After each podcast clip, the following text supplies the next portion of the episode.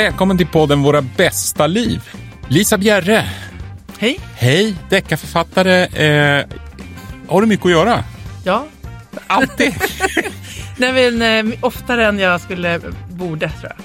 Ja, ja. Mm. Anders Engström, eh, nu kanske vi kan börja kalla dig journalist igen, eller? För vad jag har förstått så har du mer och mer blivit insyltad journalistik igen. Ja, det är fruktansvärt. Normalt sett när man börjar komma upp i din ålder så brukar man lämna journalistiken bakom sig. Men du ja, återvänder du till lejonkulan. Jag är en rebound journalist. Ja, ja. Eller något sånt. Ja. Mm. Jag vet inte om jag ens vågar fråga den frågan, men har du mycket att göra? Ja. ja, men jag gör, jo, jag har en intressant kalender. Ja. Alltså, vem är du då? Vem är jag då? Nej, men jag har insett det nu efter dagens ämne, det är boken Ta din tid, gör mindre men bättre av David Larsson Heidenblad. Och det här kommer bli min nya bibel. Det har redan blivit det. Jag inser det efter att ha läst den här boken att, för jag, folk uppfattar ju mig som väldigt produktiv för jag gör ganska mycket grejer. Jag har mycket poddar och allt sånt där. Och sen, och sen har jag alltid haft en sån här gnagande känsla att hur mycket jobbar jag egentligen? För att jag sover ju gärna middag, och går hem tidigt och sen har jag liksom fyra barn och en hund. Och, oftast så känner jag det att jag kanske inte är så produktiv. Eh, och, och sen inser jag när jag läser, han, han, han har ju gett mig, jag gör helt rätt. Mm. Ja. Mm. Det är därför din nya bibel. Ja. jo, men det är bra, det är bra med religion. Det är inte att du tänker en förändring, utan du bara bekräftar att du är perfekt. jo, men det, det, är ju så en äkta auto, nu ska vi inte kalla mig själv en autodidakt, men, men eh, nej, skämt åsido, det, det, den här boken, det, vad ska vi säga om den? Ja, det är ju en bok om hur man, men, hur man hanterar sin tid, hur man värderar den och ser på den. Och att, mm. och att också så här, gränssättning, att själv ta kontrollen över sin tid, tycker jag är grunden i det här.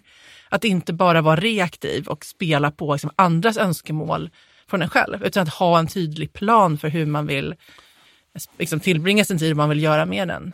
Den här eh, David eh, Larsson Heidenblad, han, han är ju faktiskt docent i historia i Lund. Mm. Och, eh, men helt besatt av sån här själv, vad säger man, självproduktivitetslitteratur och, och ja, självhjälpslitteratur. Och har läst sånt i många år. Och, och, och vad som jag tycker är otroligt bra med den här boken, det är ju att han tar den här amerikanska självhjälpslitteraturen som vi alla här har läst. Och vi har ju till och med gjort avsnitt om den, den här eh, vad heter den, 0, 1 procent. En procentsmetoden till exempel som vi alla tyckte var bra. Och, och, men, men han sätter in det här i ett svenskt kontext. Men jag vet att Anders, Anders kom hit innan vi spelade in och var så bara, nästan arg. Nej, alltså det, jag, jag hade faktiskt lyssnat också på Fritte Fritzons intervju med ja. honom. Och det som jag tycker är ett problem i den här boken, jag läser det, det är ju att det är ju inte alla svenskar som kan göra det här. Eh, och det är liksom just att det är sjukt provocerande att läsa så här tipset. Lägg in en vecka där du inte ska göra någonting produktivt och du bara ska sitta och läsa en bok. Så, ja, du är din jävla docent. Liksom. Ja, det... det kanske är dags för lite högre arbetskrav där på universiteten. nej, nej, men du förstår vad jag menar. Alltså, jo, men han har ju det, långa, det, som forskare ja. har man ju väldigt långa linjer, ja. liksom, att man ska ja. leverera någonting väldigt långt fram. Och mm. det ställer ju otroliga krav på ens förmåga att planera. Ja. Men mm. precis, men jobbar man exempel man, jag menar, man, liksom, man jobbar på ett sjukhus liksom, och, och tar hand om patienter varje dag, då kan man ju inte bara, den här, den här veckan är min så här, återhämtningsplaneringstid, jag ska fundera på om jag verkligen vill ta Förutom mina veckors semester som jag får kämpa för att eh, så, ja. för, liksom ansöka om att få in, så ska jag nu lägga in en, en planeringsvecka då jag inte ska göra någonting. Okay. Eh, det, det, Chefen, det, vad säger du om det? Den är ju anpassad på det På det sättet ja. är den väldigt mycket anpassad till tjänstemän och kan, alltså för mig som är, som är frilans så, är det ju, så, så, funkar den ju väldigt bra. Eh, förutom att jag också kan känna så här, om jag skulle verkligen följa det här, då skulle jag inte kanske kunna betala ut min lön. Nej, men alltså, det, det, det känner jag. Så, för att nu, så här är det, att den här veckan som har varit har varit en väldigt skön vecka för mig, måste jag säga. Det är för att jag levt efter den här boken. Men, det kommer bli din konkurs. Jag, jag, jag är helt övertygad, för att jag bara så här, igår satt jag bara liksom så här, då, då, först ringde jag och pratade med Martin Ros som tyvärr inte kunde vara med av olika anledningar. Och, och, och vi, hade liksom, vi satt och pratade i, i en timme om olika så här, typ östfronten under andra världskriget. Åh, sådana härliga ämnen. Ja men, ja men vi tycker sånt är kul. Och, sen, och, och han var nästan lite ledsen. Jag sa, nej men jag har inte tid nu längre Martin. Och sen senare på eftermiddagen ringde en annan av mina poddare som jag tycker väldigt mycket om också. Och, och, och vi satt också och pratade, du vet, vi pratar inte bara jobb. Och sen, men sen inser jag ju samtidigt att jag förstår ju att, att det här är jätteviktigt. Jag menar relationer, är, ja. jag menar, alla sådana här undersökningar, allting, allting handlar om relationer. Och kan man inte ta sig tid för någon man jobbar tillsammans med och prata lite annat, vad, vad får man för liv då? Men jag är ju orolig över min ekonomi, det måste jag erkänna, för den här veckan har jag inte fått mycket. Jag har liksom Jag har inte fått så hemskt mycket gjort, men jag har tänkt ja, men... mycket.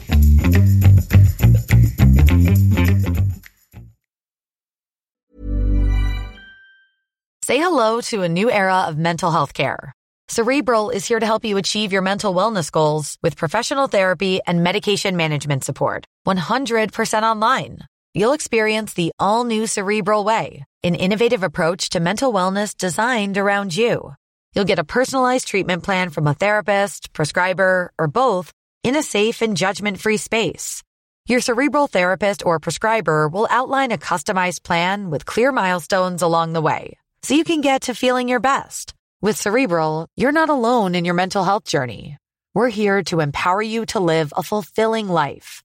So take that first step towards a brighter future and sign up today at cerebral.com slash podcast and use code ACasts to get 15% off your first month. Offer only valid on monthly plans. Other exclusions may apply. Offer ends July 31st, 2024. See site for details. Finding your perfect home was hard, but thanks to Burrow, furnishing it has never been easier.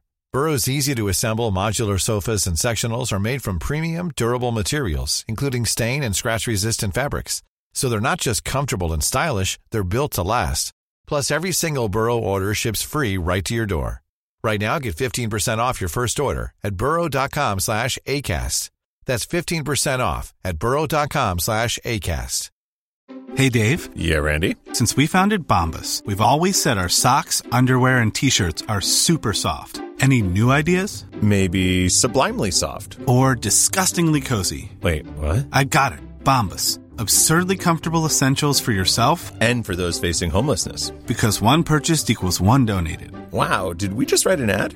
Yes. Bombas. Big comfort for everyone. Go to bombas.com slash ACAST and use code ACAST for 20% off your first purchase.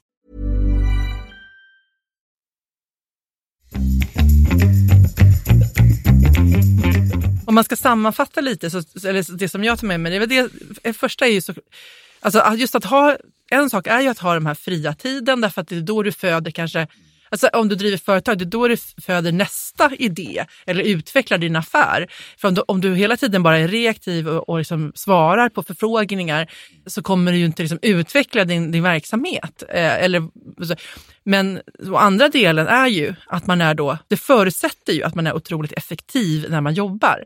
För han pratar om de här deep work, att man har mm. de här mm. långa arbetspassen. Mm. Som att, och han för honom långa, då, ganska korta arbetspass. Ja, men fast det, att, att, att superkoncentrera sig mm. i 40 minuter som mm. han gör då, mm. liksom, utan någon enda distraktion är ändå väl, alltså det är, då kan man få mycket gjort. Mm. För att i vanliga fall så är det ändå lätt att man distraheras av mejlen eller kollegor som avbryter telefonsamtal. Alltså det, det finns ju tusen sådana distraktioner som man kanske inte, som man är så van vid att man inte tänker på dem. Ja, men, ja, för, för, det är väl just en av de här grejerna som han, han beskriver just, han hade väl idé om att man ska sätta upp fyra sådana block under dagen. Ja. Mm. 40 Max minuter, fyra. 40 ja. minuter och sen så ska man liksom gå ut och gå iväg och sen komma tillbaka och göra 40 minuter, helst fyra på en dag och sen så ska man göra, vara nöjd om man lyckas med två på en dag. Ja men det är ju så fantastiskt. Så då jobbar man alltså 80 minuter på en dag.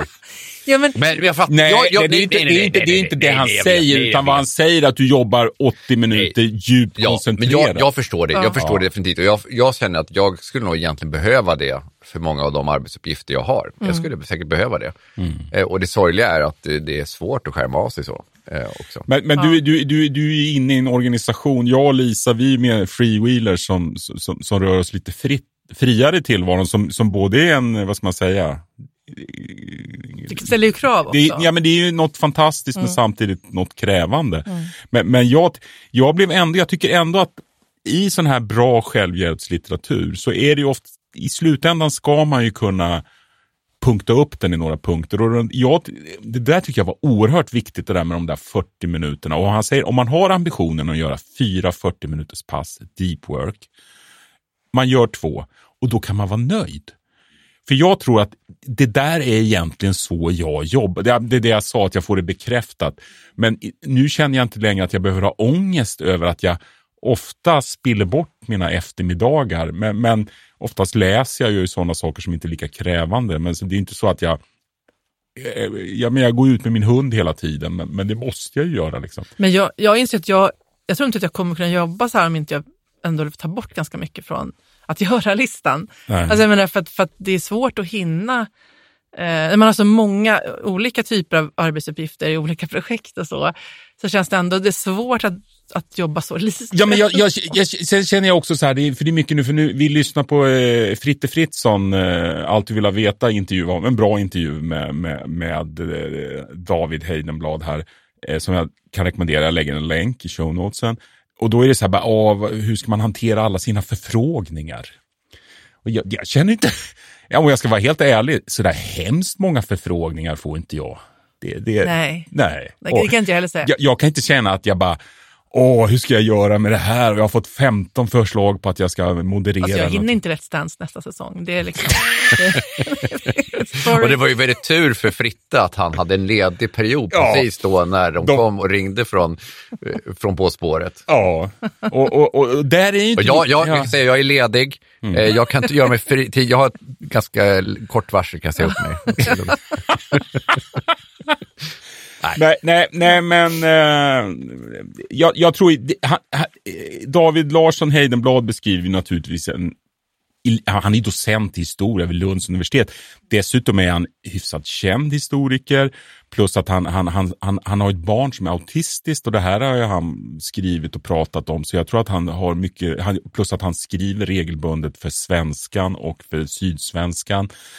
Det här är ju en man som har fullt upp, både i mm. sitt privata liv och i Jo, sitt, det är ju ja. helt sant. Det är, det, är, precis, det är inte det att man, ja, han, de andra människor hinner mycket även, ut, även med utrymme till kalendern. Ja, ja men plus att, plus att han är, jag menar, det, det, han, jag skulle tippa, han har, ju, han har ju naturligtvis en hög kapacitet. För mm. att man, om man, han, han, han, bedriver historisk forskning och, och, kan ändå, även om det här är en ganska nätt bok, så mm. har han ju ändå skrivit den. Och vi som har försökt skriva böcker, eller har skrivit böcker, vi vet ju att det är ju ganska krävande att skriva en bok, mm. eller hur? Men, ja, det är det. Och, men en sak som jag... Som, ja, precis, jag, jag, det är inte det att jag känner det här funkar inte, utan eh, jag, jag behöver bara hitta hur jag kan använda ja. det. Eh, och då tänker jag att jag tror att en nyckel för mig, och för det, det stämde väldigt bra på mig, det här med att prata om att man har saker som loopar i huvudet. Att man Aha. har väldigt mycket öppna loopar som man kallar det för. Och det har jag ju varit medveten om i, innan. Och eh, jag kanske har tänkt att det Liksom att, det, att jag har en särskilt dålig popcornhjärna. Men nu inser man, det är också skönt det där, ja, men så, där kan, så är det för alla. Det är ganska ja. skönt att bara få det bekräftat. Att, vilket in, att vad man menar med det är ju då att man har saker som man känner att man borde göra eller man har liksom öppna projekt av olika mm. slag. Och det kan ju både vara exempel så att jag behöver gå igenom gamla pussel som står på, på, ja. alltså, i, liksom, står i en hög och det kan vara arbetsprojekt och det kan vara mejl man behöver svara på. Och att om man har väldigt många sådana så skapar det för mig en stark så här, oro och en eh, känsla av att jag inte kan koncentrera mig ordentligt. Men, men just det där med förfrågningar, men jag får, jag får ju faktiskt förfrågningar fast det är ganska mycket liksom via mitt uppdrag liksom, mm. så här, under jobbet. Så det är väldigt mycket så här, att folk som vill hålla att man ska komma ut och hålla föredrag. Det stuper ju... Får du betalt då? då? Nej, men det stuper, stuper på, alltså jag får ju betalt för min uppdragsgivare. Mm. Problemet är att min uppdragsgivare vill självklart ha betalt för de grejerna. Och de vill inte betala? Ja, men det är lite, lite olika och det är väldigt alltid sådär. De vill att ha mycket mindre. De, de, de, ser ju inte det här att man måste sitta en hel vecka och tänka för att göra det här uppdraget. Ja. Utan de ser så här, du bara kastar ihop någonting utifrån det du redan kan. Och sen så, men då får eh, du ju ha de här standardföreläsningarna som ju också var ett exempel. Jo, nej, men det, det blir lite sådana såna saker. Men det är intressant att just den här, jag hade faktiskt en förfrågning som jag fick från en vän eh, nyligen också som hade ett jätteintressant projekt. Och det, jag förstår den här eh, saken att man känner sig ju väldigt smickrad när man får en sån förfrågan och det är mm. väldigt svårt att säga nej. Samtidigt som det verkligen byggde på just nu inga intäkter, da da da da da da, eh, hjälp till med det här och förutsättningslöst möte, bla bla bla, hej och. Ja. Och, och jag slutade med liksom ändå så här, skrev typ en långt jäkla svar där, liksom där jag förklarar min situation och da da da. Och skrev typ, avslutade ändå så här, det kommer inte funka just nu, men vi kanske kan ta en lunch. Ja. Istället för att bara säga att egentligen, Men, men han, du, du, nu, det här, det här går ju faktiskt inte det närmaste året egentligen. Nej. Nej, men eh, han, han, en grej som han trycker på i boken det är ju också det här det är mycket lättare att säga ja än att säga nej. Mm. Men det ska vara, och, och som han säger, ofta säger man ja, vad var det han sa? Han säger, man säger ja eh, direkt, Ja. men man drar på nejen. Mm. Men egentligen så menar han att man ska göra tvärtom. Nej ska man säga direkt. Mm. Och, och, och sen ska man fundera på ja.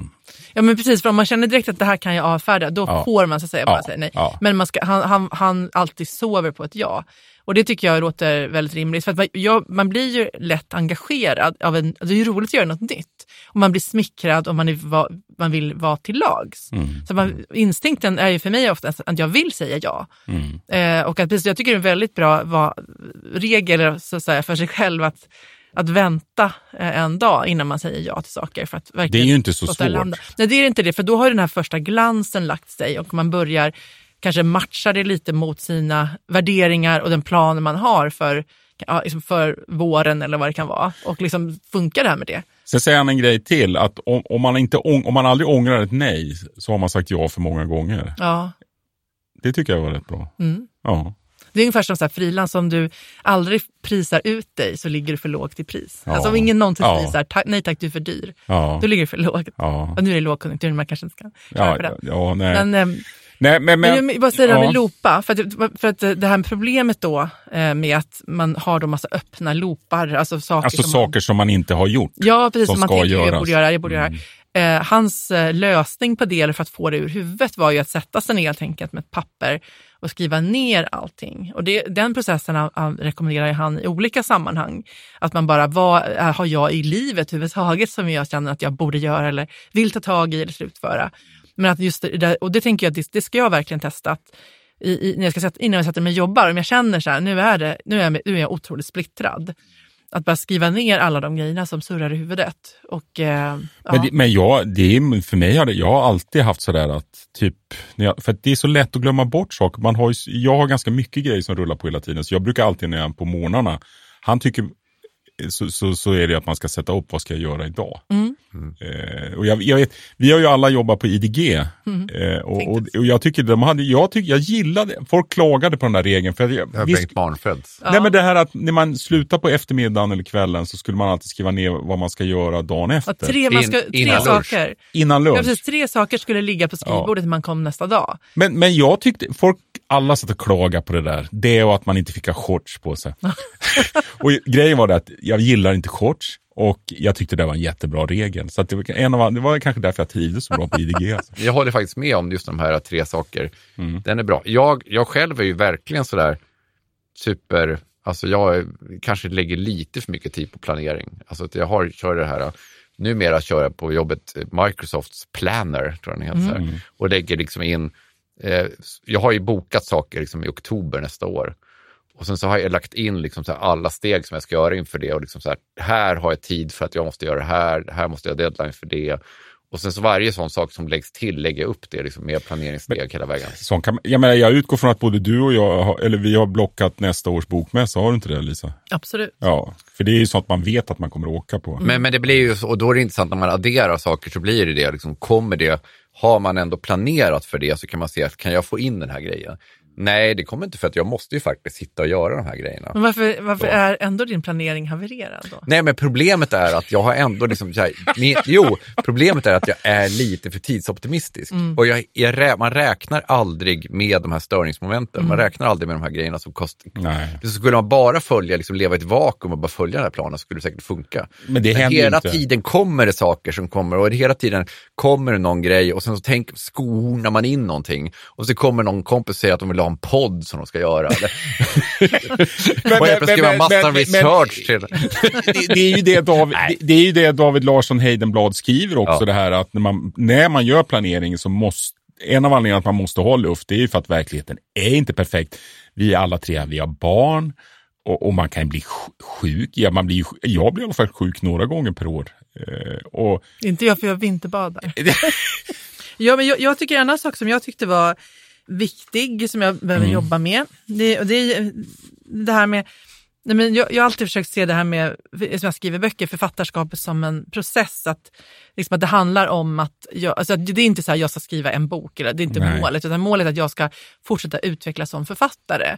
Att man har som ett pågående mål. Så. Men mm. jag tycker också att det här är liksom en annan aspekt av det här. När han, det var ju ett, ett exempel på en person som ehm, som var forskarstudent som skulle då jobb, som skulle ha, gick, hade blivit antagen till en sjuårig forskarutbildning mm. där målet var att om man så att säga, gör, presterar bra under de här sju åren så kan man få eh, livstidsanställning. Ja, är det Harvard? Och ja, det är något elituniversitet. Så det är ju som ett otroligt mål. Ja. Eh, och att många går ju in i det här och bara, gud det här ska bli så tufft, nu ska jag bara mm. kämpa järnet sju år liksom, nu ska jag, för att jag ska uppnå det här målet. Och så berättar de om en som man träffade som sa så här, ja, men jag, liksom, jag ser det bara som, en, ja men det här är en postdoc för mig, liksom, jag ska hänga med några av de smartaste och coolaste människorna på, i världen mm. i sju år, det ska bli så kul och mm. roligt.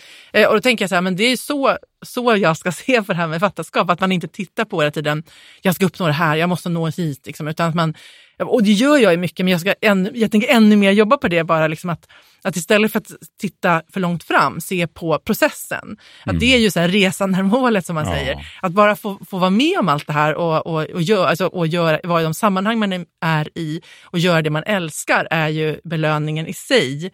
Att man inte måste Nej, men han, han lyfter ju fram det väldigt mycket, mm. liksom, det är processen som är grejen faktiskt. Ja. ja. Nej, men det har det. Men, men, men det, det, jag, jag, jag, tycker att han har en väldigt humanistisk och sån här vänlig inställning till människor, även om det då kanske är ett elitperspektiv, för det handlar om, någonstans handlar det om för han i, i poddar, jag har lyssnat på två poddar där han är med och diskuterar boken och då säger han ju Ja, men så här, så här kan sjuksköterskor tänka också. Liksom. Men ja, jag tvivlar på det. Liksom. De har inte samma, man måste ju ändå ha möjlighet att styra över sin egen arbetstid om man ska fullt ut applicera Men man kan, man kan applicera det på sitt privatliv. Ja. Det kan alla människor göra. Och, och som han sa i en podd så sa han det att ja, men det, det, sjuksköterskan kanske inte kan styra upp om det här, men, men, men om sjuksköterskans chef tar till sig de här idéerna så kan ju han göra, eh, organisera arbetet på ett bättre ja, sätt. Och, men även som tjänsteman, även om man inte som styr över, över exakt, exakt allt så kan man ju tacka nej till möten som inte är relevanta för ens arbete. Man kan,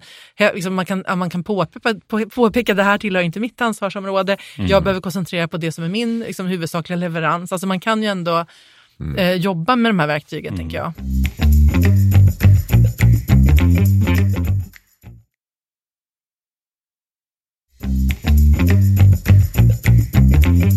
Men vad, vad säger, det, det, vi har ju pratat om att det är väldigt viktigt att säga nej. Anders, vad säger du nej till? För jag, ja, jag har ändå tendens att du har lite problem. Jag kan ha lite problem med det. Och jag, jag, jag ska säga att jag har ett problem också att jag fortsätter med saker som jag borde avsluta också. Ja, för det tar alltså, han nog upp också, att man ska kunna lägga ner Jag håller igång projekt. Ja. Men det som du pratar, du pratar om eh, dåligt samvete. Jag har ett dåligt samvete med att jag drog igång så här nattvandring i Bagarmossen för något, ett, två år sedan ja. och fortfarande kvar någon form av ansvar där. Fick ett, ett, ett mess häromdagen från en, en kvinna som, som hade en bekant som vägrade använda typ så WhatsApp och olika grejer och ville liksom att jag skulle på något vis kommunicera med henne eh, och, och, få in henne i det här och få in henne i scheman och grejer. Så jag har inte tid. Nej, men då får du väl bara säga Nej, och då, och då, ja. då, känner jag att egentligen borde jag ha avbrutit det här för länge sedan. För ja. att jag känner att jag har inte tid med det här egentligen. Mm. Och jag är lite pliktskyldig nattvandrare en gång i, per termin. Liksom, typ. Men jag har liksom inte... Men, men, men, pliktskyldig, jag tycker det är jättebra. Ja, men lämna över det till någon annan. Eh, jo, men ja. det är liksom, det, det, ja. Ja, det är sådana där grejer som hänger mm. kvar, liksom, så att man, man startar massa saker som bara hänger vidare. Liksom, så här. Ja, precis, för jag skulle säga men... att avsluta saker, ja. det är liksom man staplar saker på varandra. Så att jag skulle säga att dels att ta nej, ta, säga nej till, till nya saker som man inte har tid med och som kanske inte går igång på. Mm. Eh, som inte uppfyller de här kriterierna, kanske man, man pratar om olika kriterier man ska ha för att man sätter upp kriterier för sig själv, vad mm. det ger för någonting. Mm. Men också det här att kunna släppa taget och, och mm. släppa gamla grejer. Det, det, det, det, jag skulle nog säga att det är nog ett större problem det där som du tar upp här, att man inte släpper taget. vet, jag drev ju en nätbutik i, ja, han nog driva den i fem, sex år. Mm. Och, och la jättemycket tid på den här. Jag känner aldrig en spänn och, och, och, och, och slet häcken. Mm. Men när jag väl la ner, vilken otrolig befrielse det var. Mm. Faktiskt. Och sen tycker jag inte man, man, man får inte sitta och ångra saker man har gjort som inte har lyft. Liksom. Det, man, man, det var ju också så att, ja. att eftersom du var endelsexpert Ja. så gav ju dig det här också en Absolut. tyngd. Att du själv hade en, en, en e-butik. Och jag kände ju det, efter jag la ner butiken så kände jag att mitt expertskap tog, jag kunde ju Mm. hålla det där levande kanske ett år efteråt. Efter det så, så, tog, så kände jag mig mycket mindre expert. Alltså. Mm. Så att, så att, nej, det fanns ju sådana effekter, men det var, jag kan säga att det var ganska krävande läroprojekt. Bara, nu ska jag lära mig allt om e-handel. Jag startar en e-handel och, det, och det, jag, jag omsatte ju ändå en och en halv miljon eller något sånt där. Så det var ju inte, Det var inte en mikroskopisk verksamhet. Nej, verkligen och, inte. Men, men, och jag har ju vänner som jag pratar med så jag tycker att de ska lägga ner en del grejer. Men, men de, verkar inte, de lyssnar inte på mig. men, men, men, nej, men det där beslutet måste man ju ta själv, så det är inte så konstigt. Men Ja. Lisa, ska du lägga ner något? Ja, jag har ju tagit på mig fler saker den här hösten. Jag, jag har, har ju haft väldigt hårda principer att Ja. inte ta på mig grejer. Vad, hur ser de ut? Nej men, nej men det var ju så här, jag, för att jag behöver skriva, skriva böcker. Så att, eh, då kan jag inte tacka ja. Så det var väl egentligen 2021 som det liksom, eh, när jag då, vi skulle precis komma ut med den första deckaren och kände att nu är jag ändå i mål på, på det att jag blir utgiven. Och då tackade jag ja till att skriva en bok om vinterbad. Och det Ja. var, alltså det, jag har ju aldrig ångrat det, men det var ju ett helvete. Alltså, alltså jag har aldrig varit så stressad. Är det så? Ja, alltså det var alltså kunskapsinhämtning inom fysiologi som inte jag kan ett jota om på en månad och Mm. sen skriva boken på en månad. Alltså det var, så här, det var väldigt... Och sen har det Ja, aldrig det var, det var snäv, tidsplan, det var snäv tidsplan på Väl, väldigt bra. Alltså vi, fick, Ja. vi skrev kontrakt i mars och den skulle, gå ut, skulle ut i oktober. Och det är ju Okej. ovanligt Ja. i bokvärlden. Men, så, jo, men så, så jag ska säga så här, så, och då, för då, då tänkte jag så här, nu kan jag börja tillåta mig att säga ja till saker igen. Mm. Men jag känner verkligen att en av sådana grejer jag ska göra nu under våren är så att, nämligen att verkligen sätta upp de här som han pratar om. Eh, Jag, jag, jag är ganska bra på att sätta upp principer. Det här ska jag göra i Men vår. du följer dem inte? Nej.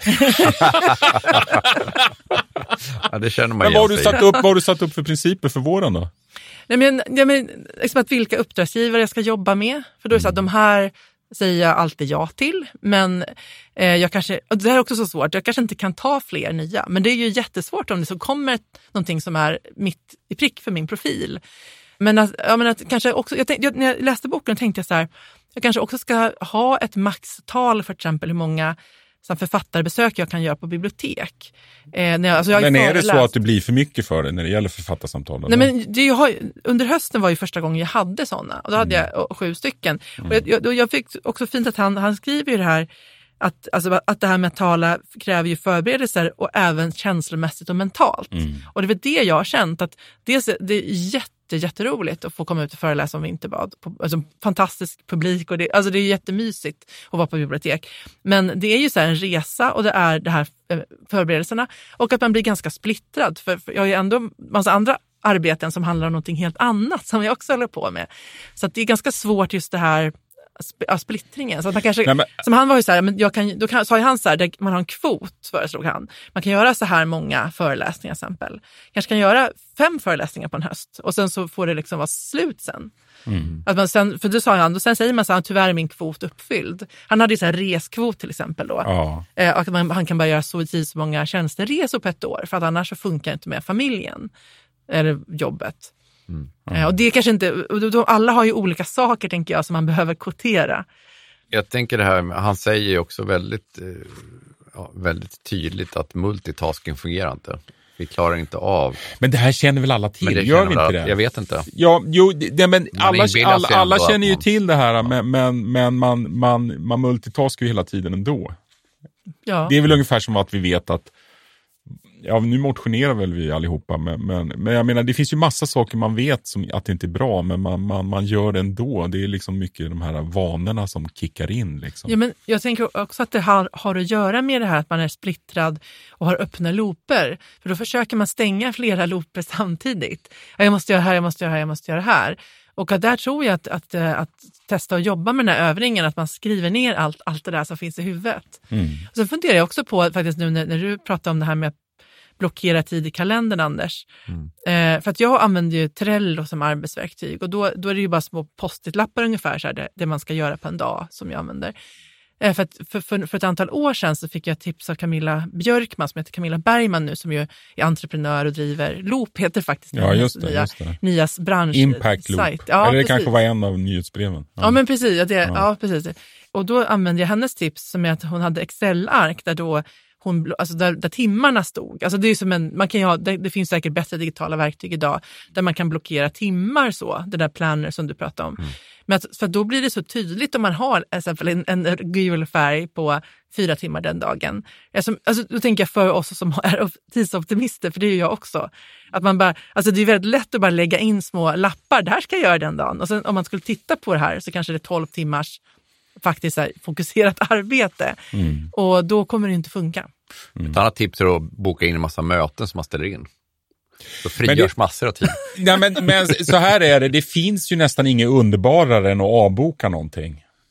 Ja, det, men alltså, det kan, det- den, här, menar- den här hösten hade jag Ja. faktiskt en sån grej. Där Vi hade en plan på, och det är jag otroligt tacksam för, vi hade plan på att vi skulle ha till sånt här Agfotalk eh, som Mm. skulle varit liksom 13 november. Det, det var liksom, det här kommer inte gå. Liksom, verkligen känna, så det gick Mm. inte. Så jag sa, nej, nej, det går inte. Så vi bara ställde in det. Och det, det var otroligt bra. Mm. Det har frigjort väldigt mycket tid. Men ja, Så att det kan vara bra att boka in sådana mastodontprojekt och ställa in dem. Så här, luftslott. Men eh, inför det här så pratar du också om det här med att man skulle mm, prata om vad som är viktigt i livet. För jag tänker någonstans är ju det grunden till att ta de här besluten. Är ju att det är ju ändå- så han börjar sin bok Ja. också. Han, han, han har till och med någon slags filosofisk utläggning. Han kallar det för essentialism. Att, man, att man ska välja ut vad, vad är viktigt i livet. Och, men men jag, frågan är så här, behöver vi inte Behöver man ens, vad är viktigt? Vi, all, vi vet väl vad som är viktigt i livet, eller? det, jag tänker att Vad är, vad är viktigt i livet, Urban? Jag, jag skulle säga att, att, att eh, relationer, relationer, arbete, ja, relationer, Så, så jag tänker, arbete. när du ligger där när du är 80 och tittar tillbaka, du bara arbete var viktigt. Nej, jag Alltså, sa liksom, relationer först. Först, men jag menar, vad menar du med arbete? Det, alltså, att arbete är viktigt i Det jag livet? menar ju inte, ja, alltså göra saker som jag upplever som meningsfyllda som ger pengar. Det är väl vad jag menar med arbete. Mm. Ja. Men, men jag menar, det, det, är ju, det är ju inte kontroversiellt att säga att arbete är viktigt. Nej, jag ville bara att du skulle Ja. specificera det. För att, men för jag menar, jag, för, för jag ty- tycker att det är jätteviktigt att ställa sig den frågan regelbundet. Därför att Mm. även om man tror att man vet det så glömmer man bort det i vardagen.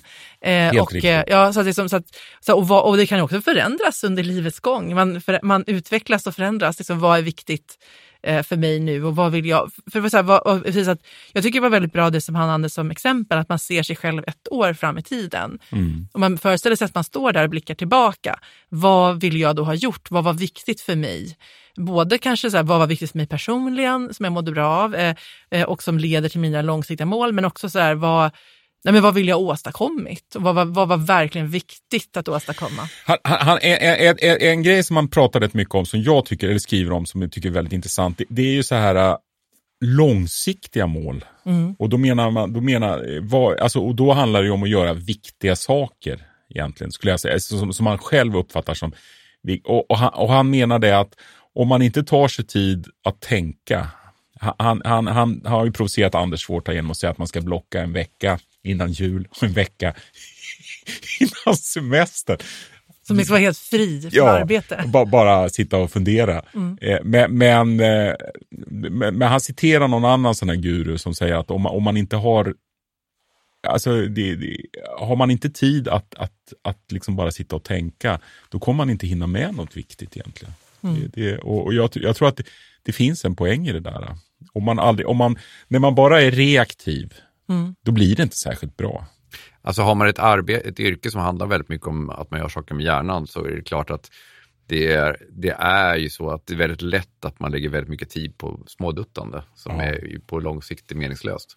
Men mitt problem är att... Alltså det, ja, ska man göra de här större grejerna Ja. så krävs det ju liksom att man, krävs att man investerar tid i det. så är det. Så att, jag menar, det, det är väl ingen, ja, Men sen, sen gör man ju, jag, jag, jag har ju gjort några större grejer som jag så här nästan, jag vet inte, det är svårt att säga att man ångrar dem, men jag, bland annat så har jag liksom gjort två liksom ljuddokumentärer då. Och det där har ju tagit så enormt mycket tid. Ha- Hade jag, hade, ha- hade jag trott att det skulle tagit hälften av den tiden det tog så hade jag inte gjort det. Mm. Men å andra sidan, nu, jag har ju snart gjort två ljuddokumentärer och, Mm. och nu, nu vet jag vad det innebär att göra en ljuddokumentär. Det är mycket arbete. Vad är en ljuddokumentär? Förlåt. Men vanlig, det är som du lyssnar på P3 radio, dokumentär. P3 Dokumentär. Alltså, Jaha. mera, alltså inte bara sitta och köpa. Jaha, du menar radiodokumentär? Eller? Ja, men radio är inte Ja, min. ljud. Radio är Ra- radio, radio, radio är gammalt. Ja, ja förlåt. Ja. Eh, ja, en Nej, nej, men, nej, men jag menar det är ofta, jag, jag, jag, jag måste säga att många av de här äh, stora bra grejerna jag har gjort har jag ångrat. För de har varit så krävande.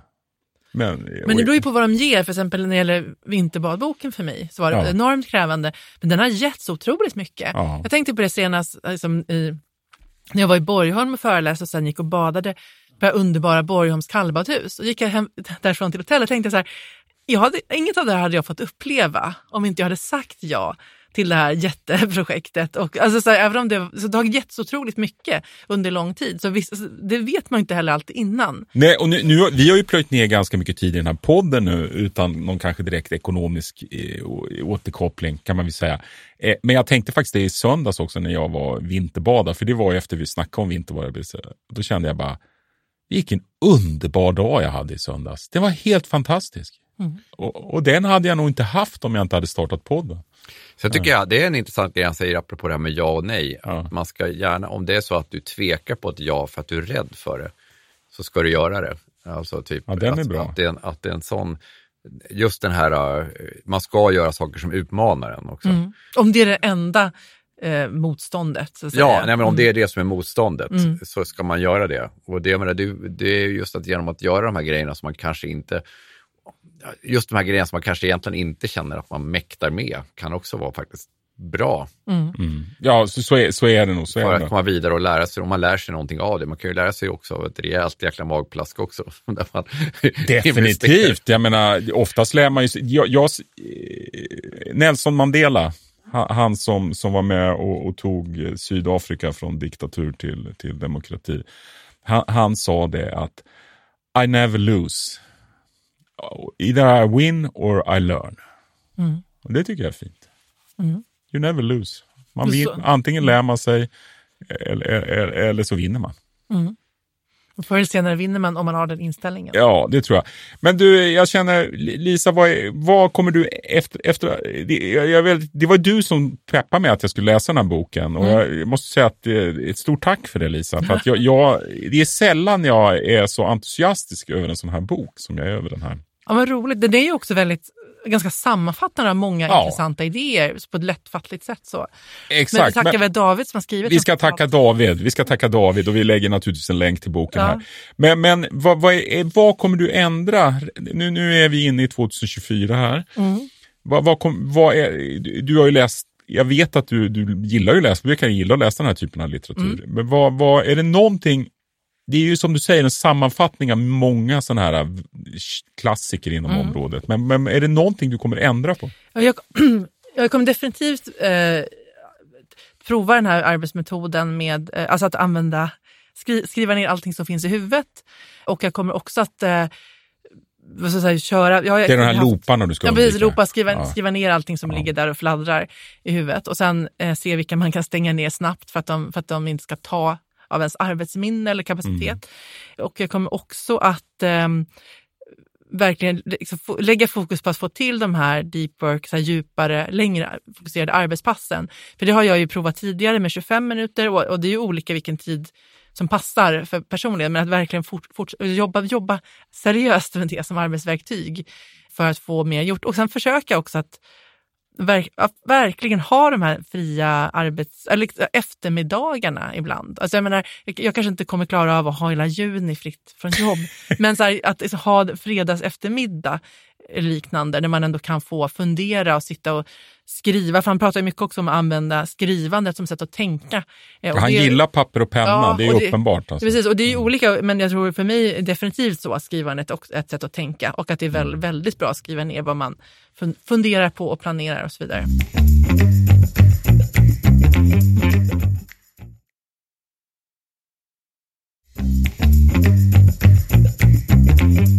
Anders, nu vet jag ju, tyvärr så beskrev ju du för mig hur det, det verkar ju du verkar ju som att du kommer ha ännu mer att göra framöver, eller? Vi får se. Vi får se. Det gäller bara att säga nej. eh, men men eh, jag skulle nog vilja prova på den här djup den här 40 minuters djupgrejen. Mm. Det känner jag att jag är lite dålig på. Eller jag snarare, jag jobbar ju ganska mycket jag gör, jobbar snarare liksom så att jag ofta samlar ihop det här till att jag liksom typ nästan, inte dygnar, men lite grann att jag liksom så här, kommer in i liksom ett kreativt mode och så bara kör jag på och stänger ut allting. Då får jag någonting verkligen gjort. Liksom så här. Är det här också när, men det är inte deadline rikt... är nära? Men det är ja, inte nej, säkert men alltså, att... det kan vara faktiskt någon vecka innan. Alltså, jag, bara, mm. jag kan faktiskt göra det, det behöver inte vara precis innan. Utan det kan vara liksom faktiskt att jag sätter, men att jag ger mig tid och sen så bara går jag in och då bara jag jobba, jobba, jobba, jobba, jobba, jobba sådär. Men det tar liksom tid att komma in i den. Mm. Så att jag är lite orolig på att, att om jag skulle stänga av i 40 minuter, vad skulle hända då? Om ni förstår vad jag menar. Du, alltså, jag, kom, jag jobbar liksom kontinuerligt i två, tre timmar då, liksom så här, mm. bara kör. Mm. Eh, och men det är väldigt sällan jag får tid och möjlighet att göra det. Liksom. Jag tycker lite för, för sällan. Mm. Men så jag undrar, liksom det här 40 och ta paus, jag är lite nyfiken på men, men jag, tror, jag tycker du är inne på något viktigt här, för du, du säger att du kan, när du verkligen kommer i det här flowet kan du sitta ett dygn och bara jobba. Jag menar, folk fungerar ju olika. Du, du kanske har den liksom konstruktionen, kognitiva konstruktionen. För, för, för jag, jag, känner ju, alltså det, mycket av det han skriver bekräftar ju saker som jag har liksom haft på känn och sen inte vilja erkänna för mig själv. Jag har ju inte riktigt velat erkänna för mig själv att jag inte jobbar effektivt så hemskt många timmar per dygn. Utan jag har ju liksom alltid försökt leva upp till någon slags myt om att jag är den liksom hårt arbetande entreprenören. Trots att jag ligger här och slappar på eftermiddagarna. Men, men alltså jag, jag, tycker fortfarande att du är en hårt ja, arbetande entreprenör. men, men vad jag skulle säga, jag tänker att precis som du säger Lisa, nu kommer jag bara upprepa vad du säger, men de här 40 minuters grejerna, för jag, jag, jag, jag tänker det, för jag har ju fått ett bokkontrakt nu och jag vet inte 17 hur jag ska få in den där bokskrivandet. Men kan jag ha ambitionen fyra 40 minuters pass per dag och sen vara nöjd om jag gör två? Då tror jag att då kommer den här boken mm. skrivas. Absolut, ja. verkligen. Problemet för mig är ju oftast, ibland, typ i januari är det ofta att jag har lite mindre att göra innan allting börjar kicka igång igen. Och jag vet ju vad det brukar resultera i när jag har lite att göra.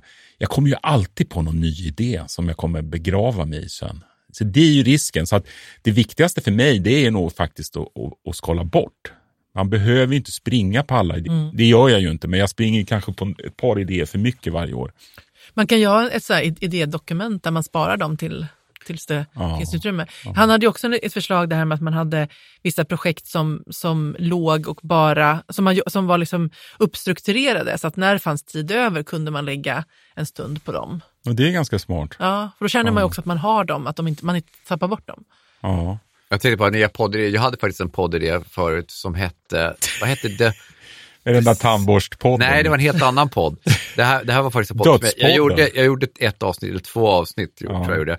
Och det var, den var inspirerad av Harry Potter, så jag har de här grejerna, de liksom så kan sänka ner och kolla i sina tankar eller sina drömmar. Och så här. Man, kan, man kan ta ut tankar och lägga, liksom så här, mm. lägga ner och liksom spara dem ja. ner. Så att man liksom suger ut dem i huvudet och så stoppar man i den här. Jag kommer inte ihåg det, det vad hette den? Vad hette det? Ja. Hur som helst, min grundidé var att jag, jag gjorde en podd som hette samma sak, nu kommer jag inte ens vad Och sen så varje gång jag kom på en sån här idé, liksom ja. affärsidé eller någonting, så skulle det bara vara ett litet poddavsnitt av det. Det kunde vara några minuter. Mm. Och så, så här, jag ger de här idéerna till hela världen, så någon som, någon som är, har kraften att göra någonting av det. Ja, vilken någon... härligt självgod podd. Nej, jag vet, men alltså, det är inte riktigt... det är den alltså, sämsta poddidé jag har hört. alltså. Ja, men det, var, det var inte, behöver inte vara någon lyssnare. Det är ungefär som att göra en podd för skrivbordslådan. Liksom. Varsågod, det var bara sätt att bli av med det. Det kan vara helt värdelösa idéer. Det kan vara bra idéer. Mm. Och kanske någon kan göra någonting bra av det. Hörni, eh, ja. Fantastiskt bra bok. Jag, jag, rekommenderar nästan alla att läsa den. Ta din tid, gör mindre men bättre av David Larsen Heidenblad. Och jag uppskattar den verkligen mycket. Dels för de praktiska idéerna men också för det humanistiska anslaget, även om det bygger på någon slags akademisk elitism. Nej, men ja. Ja, men det gör det ju. Ja. Men jag, jag menar, det, det, sämst, det, värsta, det värsta jag vet i författarintervjuer, alltså när fackboksförfattare sen, de frågar så här, eh, varför, vilka ska läsa den här boken? Och så svarar de bara, ja det ska alla göra. Och det är inte så. Utan här, det här Nej, är det är elitmänniskor som kan styra. Det är Alltså, sådana som vi, Ja, Alltså, eliten. jag, det, jag skulle säga att det är perfekta boken för er som är forskare och Ja. har finansierat er Så lever, forskning. som lever på statliga forskningsmedel och aldrig behövt dra in en krona. Men och jag är jag väldigt tacksam för att jag har varit med och finansierat den här boken, David. Eh, Den, Men jag håller med om det här med humanistiska anslaget, att, att i grunden så ska man ju vara snäll med sig, mot sig själv och, och, och tänka på sina långsiktiga värderingar och det här att relationer för de allra flesta människor är det viktigaste. Det är mycket viktigare än prestationer. Och det är ju en väldigt bra grund för, för att leva sitt liv. Vi slutar där på det Lisa. Perfekt. Tack ska ni ha. Hej då. Hej.